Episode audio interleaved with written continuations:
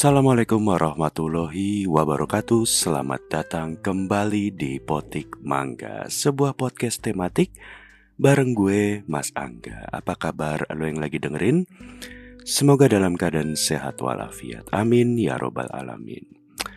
Para pemetik mangga sekalian 17 November kemarin Akhirnya film Indonesia yang paling gua tunggu sejak diumumin bakal rilis di tahun ini akhirnya beneran rilis. Jadi film yang gue maksud sesuai judul adalah Sri Asi. Sri Asi itu adalah sebuah film superhero lokal Indonesia dari komik Bumi Langit dan merupakan salah satu dari sekian film yang akan nantinya dibuat sebuah cinematic universe. Jadi memang ini merupakan salah satu proyek ambisius ya dari jagat sinema Bumi Langit yang sekarang konon masih di bawah asuhan Joko Anwar gitu. Jadi film pertama jagat Bumi Langit itu adalah Gundala. Kalau lo inget itu rilis di tahun 2019 itu ditulis dan disutradari sama Joko Anwar langsung. Sekarang lanjutannya Sri Asih akhirnya rilis setelah beberapa kali penundaan. Bahkan sebelum rilis kemarin di 17 November 2022 kemarin itu, Sri Asih itu sempat pengumuman mau rilis di bulan Oktober. Gue lupa tanggalnya, kayaknya awal-awal Oktober lah. Jadi bahkan di bioskop yang gue tonton itu posternya itu cuma ditempelin tanggal baru. Jadi alih-alih mengganti poster, mencetak poster baru, ya mungkin nggak kebagian poster baru atau memang ya inisiatif dari pihak bioskop ya untuk menempel doang eh, tanggal ketimbang mengganti dengan poster rilisan baru. Sri Asih sendiri ini film kedua dari Jagat Bumi Langit, sutradaranya bukan Joko Anwar tapi Upi. Upi itu um, ada beberapa filmnya yang memang udah jadi legendaris. Sementara Joko Anwar di sini uh, jadi produser kalau gua nggak salah. Upi itu buat lo yang mungkin lupa pernah bikin film apa aja. Uh, terakhir itu kalau gua nggak salah di 2018 atau 17 mungkin ya.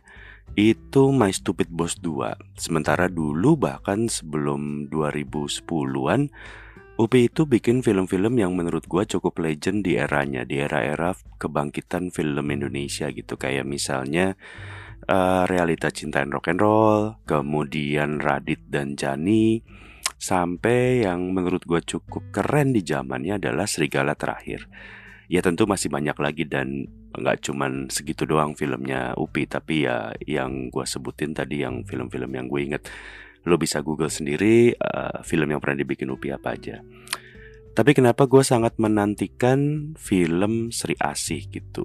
Um, Lo mungkin tahu meme I watch for the plot kemudian gambar plotnya adalah karakter yang sangat memanjakan mata ya. Tapi mungkin bisa jadi gue begitu. Awalnya gue penasaran sama ceritanya. Tapi beneran yang bikin gue stay menikmati filmnya dari awal sampai akhir ya tentunya Pevita Pierce sebagai Alana titisan dari Dewi Asih gitu. Jadi memang di sini peran Pevita Pierce sebagai Alana sebagai titisan Dewi Asih sangat dominan. Ya tentu aja nama filmnya Sri Asih. Masa karakter utamanya tidak dominan ya tapi memang kadang kan ada beberapa karakter yang bisa steal the scene. Menurut gue di sini meskipun ada beberapa karakter yang cukup menonjol sebagai karakter pendukung tapi utamanya film ini tetap di bawah um, acting Pevita Pierce sebagai Sri Asih gitu. Gua kasih cerita sama lo, mungkin buat lo yang belum nonton, ini akan jadi spoiler karena memang gua akan kasih sekilas um, ceritanya Sri Asih gitu. Sri Asih itu tadi um, Pevita Pierce berperan sebagai Alana, namanya Alana. Alana ini ceritanya titisan Dewi Asih. Si Alana ini mendadak yatim piatu karena ibu bapaknya meninggal Meninggalnya karena kombinasi antara gunung meletus dan kecelakaan mobil. Intinya setelah kedua orang tuanya meninggal, Alana tinggal di panti asuhan. Jadi di panti asuhan itu udah ada bakat membela kebenaran mulai dari ngelawan para pelaku bullying ya, melindungi yang lemah. Jadi uh, ketika masih anak-anak pun Alana suka membantu temennya yang tidak bisa berantem temennya yang kecil uh, badannya menghadapi para bullying yang badannya gede-gede kurang lebihnya kayak gitu. Habis itu Alana diadopsi sama Jenny Cheng. Jenny Cheng gue lupa nama aslinya.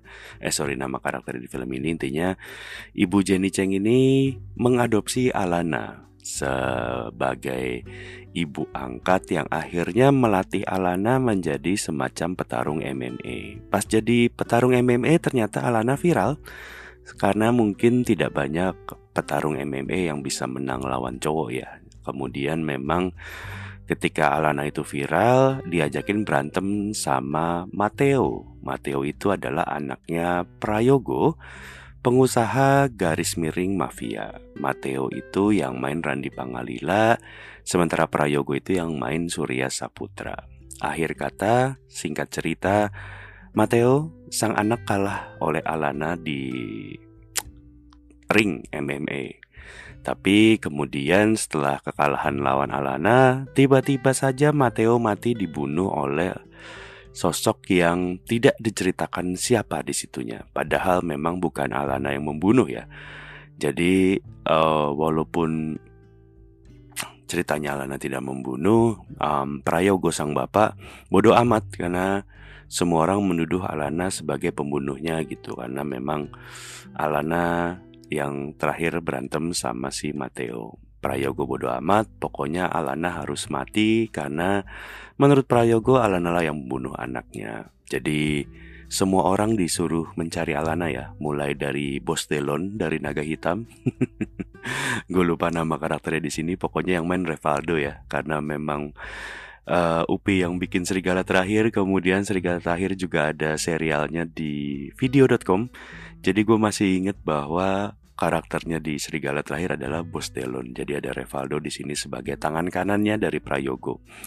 Kemudian Prayogo yang juga pengusaha dekat dengan polisi, maka pihak polisi pun membantu dengan menugaskan Jatmiko. Jatmiko itu adalah petugas polisi yang disuruh oleh atasannya untuk menangani kasus ini. Jatmiko yang main adalah Reza Rahadian. Itu semua arahannya jelas ya, cari Alana sampai ketemu gimana pun caranya. Bahkan sampai Jenny Cheng, ibu angkatnya Alana pun digebukin oleh uh, gengnya Prayogo sampai masuk rumah sakit. Rumah sakitnya pun gak tanggung-tanggung dibom sampai untuk membunuh Alana. Alana yang nyaris ketangkep itu tiba-tiba melawan sekelompok orang utusannya Prayogo tiba-tiba bisa mengeluarkan ilmu ya namanya juga film superhero ya. Habis itu Alana ternyata diselamatin sama Dimas Anggara. Lagi-lagi gue lupa namanya ya. Dimas Anggara ini ternyata temenan sama Jenny Cheng. Dimas Anggara, Jenny Cheng itu ternyata satu geng uh, bernama Jaga Bumi. Mereka sebuah kelompok yang membantu untuk melestarikan keturunannya Dewi Asih. Jadi mereka ini Jenny Cheng dan Dimas Anggara itu jaga bumi di bawah asuhan Christine Hakim. Christine Hakim ini adalah eyang yang doyan cerita di depan proyektor lama. Dia menceritakan silsilah Dewi Asih dari zaman dulu sampai musuh-musuhnya Dewi Asih itu siapa aja. Ternyata memang Dewi Asih itu ilmunya turun-temurun, diturunkan melalui keturunannya dan Alana adalah salah satu keturunan dari Dewi Asih. Setidaknya begitulah.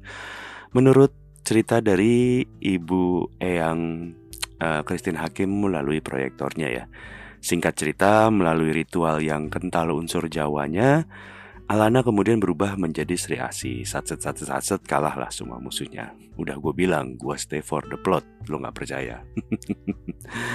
Tapi memang um, film Sri Asi ini kalau gue nggak salah durasinya sekitar 140-an menit, 2 jam lebih. Dan buat gue, uh, Sri Asi adalah salah satu film superhero Indonesia terbaik sejauh ini. Sampai detik ini, menurut gue Sri Asi belum ada film Indonesia mana pun yang bisa lebih bagus dari Sri Asih sampai detik ini. Jadi dari entah tahun kapan para sinias-sinias Indonesia membuat film superhero lokal dengan original story based on comic itu semua nggak ada yang lebih bagus dari Sri Asih. Bahkan Gundala pun sebagai sesama rilisan Jagat Bumi Langit itu masih kalah ketimbang Sri Asih menurut gua. Karena oke okay, mungkin um, ketika kita bicara film superhero, uh, mungkin di tahun 2019 ketika Gundala rilis dengan di 2022 secara teknologi visual effects atau teknologi perfilman memang udah lebih jauh lebih maju gitu sehingga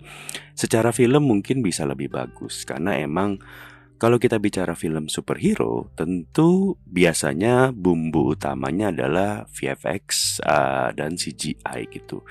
Film Marvel pun kalau nggak pakai VFX atau CGI ya cuman orang-orang pakai kostum ditarik pakai sling uh, actingnya di depan kain hijau gitu. Maksud gua tanpa VFX dan CGI film superhero mungkin tidak akan menjadi film superhero gitu. Jadi emang untuk film Indonesia um, uh, secara film VFX dan CGI-nya Sri Asih itu bagus banget keren lah jadi memang menurut gue makanya tadi gue bilang film Indonesia, film superhero Indonesia paling bagus jauh ini sepanjang masa ya Sri Asih gitu. Walaupun mungkin memang jangan dibandingkan dengan film Hollywood yang tentu kualitasnya masih sangat jauh sekali gitu. Tapi buat film Indonesia, buat gue ini udah keren amat-amat sangat. Dan gue nggak sarkas di sini, gue beneran kagum. Karena Sri Asih itu menurut gue salah satu dari dua film yang menurut gue pas kelar gue tonton gue ngerasa kayak ternyata orang Indonesia tuh bisa bikin film kayak gini gitu. Nah kurang lebih reaksi gue pas kelar nonton Sri Asih itu kayak gitu. Film satu lagi yang gue rasa seperti itu, di mana kekaguman gue merasa kok film Indonesia ternyata bisa sebagus ini adalah The Night Come For Us. The Night Come For Us itu gue nggak tahu tayang di bioskop atau enggak karena Seinget gue itu Netflix original jadi langsung ada di Netflix gitu Jadi Night Come For Us itu salah satu alasan gue langganan Netflix untuk kali pertama di tahun itu 2018 atau 19 gue lupa Jadi memang Sri Asih menurut gue jauh lebih bagus daripada Gundala. Secara cerita, secara gambar, secara VFX dan seterusnya dan seterusnya jauh lebih bagus ke mana-mana. Menurut gue Salah satu yang bikin gua ngerasa gimana gitu kalau pada saat gua nonton Gundala waktu itu adalah hadirnya Sri Asih di ending buat nolong Gundala menurut gua ya. Karena memang niatan jagat bumi langit uh, untuk membuat sebuah cinematic universe. Tapi menurut gua hadirnya tokoh lain untuk menolong tokoh utama film di sebuah momen krusial tanpa adanya interaksi lebih lanjut menurut gue itu adalah sebuah hal yang tergesa-gesa gitu jadi makanya um, harusnya menurut gue kalaupun memang Joko Anwar dan tim Jagat Sinema Bumi Langit ingin menampilkan Sri Asih di film Gundala harusnya tidak pada saat uh, cerita utama mungkin di after credit scene mungkin di ending bagaimana kurang lebihnya tapi ya itu tadi buat gua yang nonton tuh kayak teralihkan gitu dari Gundala ke Sri Asih. Makanya di Sri Asih ini uh, formula yang sama tidak dipakai lagi ya. Uh, menurut gua di sini yang bikin cerita dan sutradaranya itu beneran fokus kepada Sri Asih gitu. Jadi emang sekali lagi dibandingkan sama Gundala menurut gua Sri Asih itu uh, melampaui beberapa step yang lebih bagus gitu. Percayalah kalau yang belum nonton ini bagus banget lu silahkan tonton lah kalau lu belum tonton ya um, tapi gue yakin mungkin pada saat lu mendengarkan episode ini um, udah banyak yang bahas bagaimana bagusnya film Sri Asi Hari ini mungkin gue mencoba mengajak lu melihat dari sisi lain. Yang mungkin buat gue ini bukan jelek tapi mungkin agak lain ya. Agak lain tuh dalam artian uh, bukan berarti jelek atau gue menghina film ini nggak sama sekali. Gue cuma ngeliat dari sisi yang berbeda dan kayaknya agak menggelitik gitu pertama dengan nama karakter itu sendiri dan origin story dari si karakter gitu nama karakternya adalah Sri Asih dari Dewi Asih dengan prosesi dari orang biasa menjadi Sri Asih itu dengan sebuah ritual Jawa yang kental gitu. Ada mantra-mantra bahasa Jawa dengan sindennya gitu, dengan gamelan-gamelan, dengan bahasa-bahasa Jawa. Lucunya yang jadi Sri Asih itu turunan bule, Pevita Pierce. Ya harusnya lebih Jawani kali ya yang main misalnya ya Mbak Nunung gitu misalnya atau Asri Welas gitu kan sama-sama Sri gitu ya Asri Sri gitu jadi mungkin Asri Welas Asih gitu misalnya Nah, maksud gue gini, tapi memang udah jadi konsep kali ya yang jadi Sri Asih itu memang walaupun superhero dari tanah Jawa dengan ritual-ritual Jawa, tapi yang main karakternya nggak ada Jawa-Jawanya. Yang sekarang jadi Sri Asih, Alana itu Pepita Pierce. Yang sebelumnya sebelum Alana itu namanya Nani Wijaya. Yang main Nani Wijaya Sri Asih itu adalah Najwa Shihab, turunan Arab. Itu ada di film ini jadi cameo ya, spoiler. Jadi memang uh, Pevita Pierce, bule, Najwa Shihab, Arab, dan yang jadi Dewi Asih yang memberikan kekuatan kepada Alana itu adalah Modi Kusnadi, seorang Sunda ya. Bukan Betawi ya, walaupun mungkin lo lebih taunya beliau sebagai Jenab di film atau di sinetron si dua anak sekolahan, tapi aslinya beliau orang Sunda. Jadi memang Sri Asih dari berbagai generasi sampai ke Dewi Asih itu nggak ada yang orang Jawa sama sekali ya. Tapi buat gue itu nggak masalah karena memang gue juga nggak keberatan ya ngelihat Pevita Pierce jadi Sri Asih gitu jadi tokoh utama kayaknya buat gue ngeliatin Pevita Pierce acting kemudian ada adegan fighting keringetan selama 120 menit gitu buat gue sih nggak ada masalah sama sekali ya. Film Sri Asih kedua kalau mau dibuat tiga jam selama yang main si Pevita Pierce juga buat gue sih nggak apa-apa banget ya. Terus yang kedua yang buat gue agak lain dari sebuah film Sri Asih ini. Ini sih nggak hal yang mengganggu ya. Buat gue ini nggak masalah sama sekali tapi memang ini jadi apa ya sebuah hal yang buat gue memang gue ngelihatnya ini agak boros aja gitu. Borosnya itu dalam artian tokoh antagonisnya tuh banyak banget ya. Ini menurut gue formula yang mirip-mirip kayak Gundala. Kalau lo inget di Gundala itu antagonisnya banyak banget. Karena banyaknya adalah ada adegan anak-anak bapak. Anak-anak bapak itu anak-anaknya pengkor, anak-anak yatim piatu yang dididik jadi pembunuh bayaran. Itu banyak banget karakternya. Mulai dari gue inget ada Semara Abigail, ada Kelly Tandiono, ada Aming, ada siapa tuh suaminya Tara Basro, uh, Daniel Adnan kalau gue nggak salah, ada Ari Tulang gitu. Gue bukannya nggak seneng, tapi Gue ngeliatnya kayak pemborosan karakter aja sih untuk sebuah film gitu. Nah di Sri Asih pun kayaknya mirip-mirip gitu. Walaupun bedanya kalau di Gundala itu kan sekaligus munculnya ya. Kalau di Sri Asih ini munculnya tuh satu-satu gantian. Karena antagonisnya itu banyak banget gitu. Pertama antagonis yang dikasih lihat adalah si Mateo yang Randi Palangalila Yang jadi anaknya si mafianya gitu. Setelah Mateo itu mati ada Revaldo yang tadi gue bilang jadi siapa karakternya namanya gue lupa Bos Delon kalau di Serigala terakhir. Kemudian ada si Surya Saputra yang si Prayogo yang bapaknya Mateo jadi pengusaha garis miring bos mafia.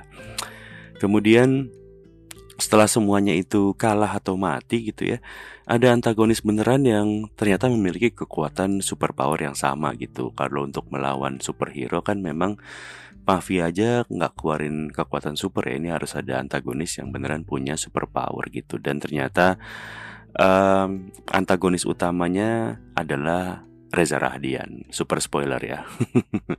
Reza Rahadian yang awalnya polisi yang kayaknya baik endingnya malah menjadi antagonis yang utama. Tapi memang ya karakter polisi jahat sih emang udah sering ya. Nah, di film maksud gue bukan di kenyataan. Kalau di kenyataan semua polisi kayaknya baik tapi belum lagi karakter kayak misalnya Dewi Api yang konon adalah semacam karakter antagonis utama, bosnya si Reza Rahadian. Jadi dia semacam Thanos lah, semacam bos besar raja terakhir. Dewi Api itu yang main adalah Dian Sastro. Gak kelihatan secara muka tapi suaranya memang Dian Sastro banget lah pokoknya. Jadi memang konon di film Bumi Langit Sinematik ini uh, musuh utamanya itu konon adalah Dewi Api Sidian Sastro. Nah, panglimanya Dewi Api jadi sesuai namanya Panglima emang ada lima juga gitu. Jadi di Gundala kalau nggak salah munculnya Kiwi Lawuk kalau gua nggak salah namanya. Yang main itu Sujiwo Tejo. Terus sekarang muncul Roh Setan apa namanya? Ya kurang lebih si Reza Rahadian lah. Jadi memang kalau umurnya panjang si Jagat Bumi Langit ini dari dua yang udah keluar akan ada tiga musuh lagi. Dan um, tentunya Selain para musuh antagonis yang berkekuatan super, antagonis di Gundala si Gazul yang pengusaha garis miring mafia yang membantu membangkitkan musuh-musuh itu pun juga masih ada. Jadi Aryo Bayu sebagai Gazul dan uh, anak buahnya atau tangan kanannya si Aki Alexa, gue lupa namanya. Tapi gue entah gimana ya, sampai sekarang kalau ngeliat Aryo Bayu tuh selalu keinget Pak Presiden Soekarno zaman muda ya. Buat gue susah banget untuk nggak ngelihat kemiripan itu gitu. Jadi memang balik ke tokoh antagonis, total di Sri Asih itu ada Mateo, Prayogo, Revaldo, Reza Radian, Dian Sastro, Aryo Bayu, aku periksa. Itu 2, 3, 8 kurang lebih. 8 total antagonisnya. Jadi memang ya terlihat boros lah. Kalau kata gue sih terlihat boros. Memang sih nggak seboros Gundala ya. Itu anak-anaknya Pengkor kayaknya 8 orang aja udah lebih gitu. Belum ditambah sama uh, tadi Aryo Bayu ditambah Sujiwo Tejo ya harusnya sih banyak banget gitu. Tapi memang dari sisi gue sebagai penonton itu worth it banget sih. Artinya memang gini uh, film yang bagus sebuah film um, yang menurut gue brilian adalah nggak cuman protagonisnya doang yang bagus. Karena kalau protagonisnya doang yang bagus filmnya akan berat sebelah. Tapi film superhero yang bagus tentunya akan memberikan keseimbangan antara protagonis yang bagus tokoh utama yang bagus dengan antagonis atau villain yang luar biasa juga gitu. Maksud gue kalau nggak begitu keseluruhan film pasti akan timpang. Makanya um, buat gua sih walaupun gua bilang barusan itu boros tapi ya ya it's worth the the money kali ya secara budgetingnya gitu. Karena memang untuk membangun sebuah universe yang bagus tentu nggak bisa cuman protagonisnya doang tanpa diimbangi dengan karakter antagonis yang juga bagus kurang lebihnya gitu. Jadi memang sekali lagi gue bilang Sri Asih adalah sebuah film superhero film Adiwira kalau bahasa Indonesia nya superhero itu Adiwira barangkali buat lo yang belum tahu. Jadi memang Sri Asih adalah film adiwira Indonesia terbaik sepanjang masa sampai detik ini. Tapi apakah nantinya akan dipatahkan oleh film-film superhero lainnya, terutama keluaran Bumi Langit yang lain? Tentu harapan gue sih begitu ya, karena uh, kalau lu acuannya film-film Marvel gitu misalnya, kalau lu ingat Avenger yang pertama yang keluar tahun 2012 Menurut gue pada saat itu adalah film superhero terbaik di masanya. Sampai akhirnya film tersebut mungkin dikalahkan sama Civil War di tahun 2015 Terus mungkin Civil War kalah lagi sama Avengers Infinity War. Dan puncaknya film superhero terbaik sepanjang masa sampai sekarang sedunia adalah Avengers Endgame. Belum ada yang bisa mengalahkan itu. Jadi memang menurut gue Sri Asih sekarang mungkin levelnya ada di um, Avengers yang pertama. Nantinya harapan gue ke depannya film-film jagat bumi langit tentu akan bisa membuat film-film yang lebih bagus supaya bisa mengalahkan kualitas dari Sri Asih itu sendiri. Ya, gue nggak tahu sih um, ngomongin rilisan berikutnya tentang jagat bumi langit. Gue nggak tahu apakah sama di semua bioskop. Kayaknya harusnya sama ya. Uh, di awal sebelum lo menonton Sri Asih itu ada sebuah trailer film selanjutnya dari jagat sinema Bumi Langit. Film berikutnya yang akan dirilis tahun 2023 itu adalah Virgo and the Sparklings. Maaf kalau gue salah menyebutkan titlenya. Tapi uh, dikasih trailer bahwa Virgo and the Sparklings ini akan rilis di tahun 2023 Sebuah film superhero Mungkin genrenya agak beda dengan Gundala dan Sri Asih Karena memang sepertinya agak sedikit remaja ya. Terbukti dengan tokoh utamanya adalah Zara Adisti Sebagai anak SMA di film itu. Jadi Zara Adisti itu buat lo yang nggak tahu uh, dia adalah seorang aktor yang ngetop di film Dua Garis Biru, ada juga di Keluarga Cemara, um, ada di Dilan juga kalau nggak salah. Jadi adiknya atau siapa ya, gue lupa sih. Tapi mungkin lo lebih tahu uh, Zara sebagai uh, anggota JKT48 ya. Jadi agak beda sama Gundala dan Sri Asih yang pemerannya lebih dewasa, Virgo kayaknya dibuat dengan look yang lebih muda, lebih remaja. Ya, semoga akan jadi film yang bagus dengan standar yang udah dibuat sama Sri Asih. Jadi Virgo the and the Sparklings itu uh, ada trailernya di awal film sebelum Sri Asih mulai. Jadi kalau Virgo udah berupa trailer full lengkap dengan coming soon-nya untuk rilisan Jagat Bumi Langit ke depannya yang juga dikasih teaser tipis-tipis buat kita para penggemar uh, film Indonesia bergenre superhero. Di mid credit scene ala-ala Marvel juga, Jagat Bumi Langit udah ngasih sebuah adegan di mana ada Chico Jericho yang menolak untuk bayar uang keamanan ke preman setempat dan akhirnya dia mukul, dia nabok salah satu premannya sampai mental jauh. Kamera kemudian zoom in ke tangannya Chico Jericho yang masih ngepel dengan fokus utama ke cincin. Cincin yang dipakai Chico Jericho itu ada logo huruf G alias logonya Godam. Jadi seperti yang sudah diberitakan kayaknya udah sering juga di apa namanya beberapa media ternyata memang betul Godam sudah syuting ya walaupun gua nggak tahu syutingnya untuk satu adegan itu doang apakah udah semua adegan karena memang belum dikasih tahu kapan rilisnya gitu. Jadi setelah menonton Sri Asih secara full, ada Virgo and the Sparkling trailernya, kemudian di ending film Sri Asih ada teaser satu adegannya Godam, ya gue sih sebagai penonton apa ya excited lah semangat gitu. Looking forward lah kalau bahasa Inggrisnya cannot wait.